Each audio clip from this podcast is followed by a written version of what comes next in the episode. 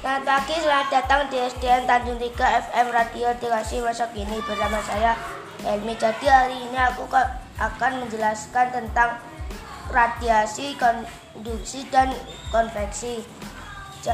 Jadi satu, satu saat kita di bawah matahari akan merasa panas itu itu dinamakan radiasi. Dua, saat kita di dekat kompor yang menyala akan terasa panas itu juga yang dinamakan radiasi.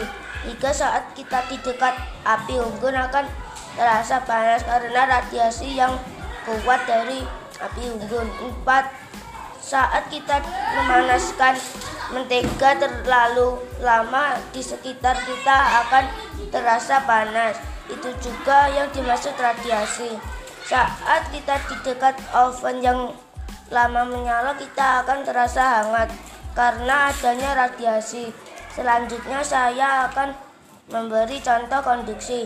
Satu panci yang dipanaskan itu juga itu juga dimaksud konduksi dan kedua wajan yang dipanaskan itu juga menjadi salah satu konduksi. Ketiga, spatula yang panas ketika diletakkan di atas wajan yang panas. Empat, menggoreng pentol itu juga konduksi. Lima, minyak menjadi panas itu juga konveksi.